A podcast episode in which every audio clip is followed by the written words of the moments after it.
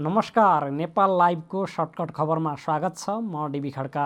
Shortcut खबरमा दिनभरका मुख्य खबर। ओलीले एमालेलाई एकताबद्ध बनाउनै नचाहेकाले नयाँ पार्टी बनाउनु पर्नेमा नेपाल पक्षीय केन्द्रीय सदस्यहरूको जोड। ओली जेठ दुईमा नफर्किए क्रान्तिको नयाँ झन्डा उठाउन तयार रहेको नेपाल पक्षका सत्र भातृ सङ्गठनको घोषणा। गुणस्तरहीन नुन बिक्रीमा कहलिएको कम्पनीलाई नुन आयात र बिक्री वितरण सुम्पिने तयारीमा सरकार अनुमति नलिई नुन उत्पादन गर्नुका साथै सोह्र गुणा बढी मूल्यमा बिक्री गरेको आरोप लागेको दुवटको कम्पनीलाई पोस्ने तयारी। राष्ट्रिय जनमोर्चाका सांसद कृष्ण थापालाई पार्टीले कारवाही गरेर सांसदबाटै हटायो। फेरिएको अङ्कगणितमा गण्डकी प्रदेशका मुख्यमन्त्री पृथ्वी सुब्बा गुरुङले विश्वासको मत पाउने सम्भावना न्यून। सङ्घीय सरकारको बजेटमा समावेश भएको चुरेबाट ढुङ्गा गिटी बालुवा निकासी गर्ने कार्यक्रम सच्याउन प्रदेश दुई सरकारको आग्रह। सरकारले नदी दोहन हुने गरी ल्याएको कार्यक्रम नसच्याए आवश्यक निर्णय लिइने चेतावनी। भेरी अस्पतालका स्वास्थ्य कर्मीमाथि आक्रमण गर्नेलाई फौजदारी कसुरमा मुद्दा चलाउन सिफारिस। एमालेको नेता भएको भन्दै स्वास्थ्य कर्मीलाई दिएका थिए मृत्युको बदला लिने धम्की।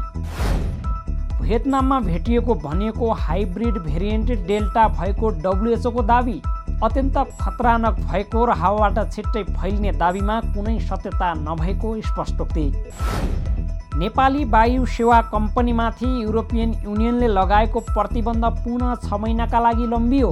हेलिकप्टर दुर्घटनालाई लिएर सुरक्षा चासोमा राखेको बताए पनि चिनिया जहाज खरिदपछि लगाएको थियो प्रतिबन्ध।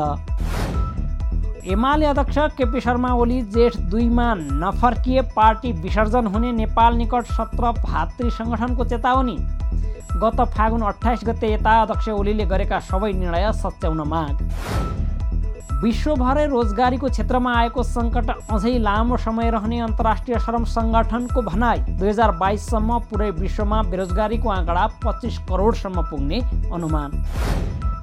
र विश्वकप तथा एसियन कप फुटबलको संयुक्त छनौट अन्तर्गत नेपाल आज चाइनिज ताइपेसँग भेट्दै कुवेतको जाबेर अल अहमद अन्तर्राष्ट्रिय फुटबल मैदानमा राति पौने दस बजेबाट खेल सुरु हुने। नेपाल लाइभको सर्टकट खबरमा दिनभरका मुख्य खबर आजलाई यति नै। नमस्कार।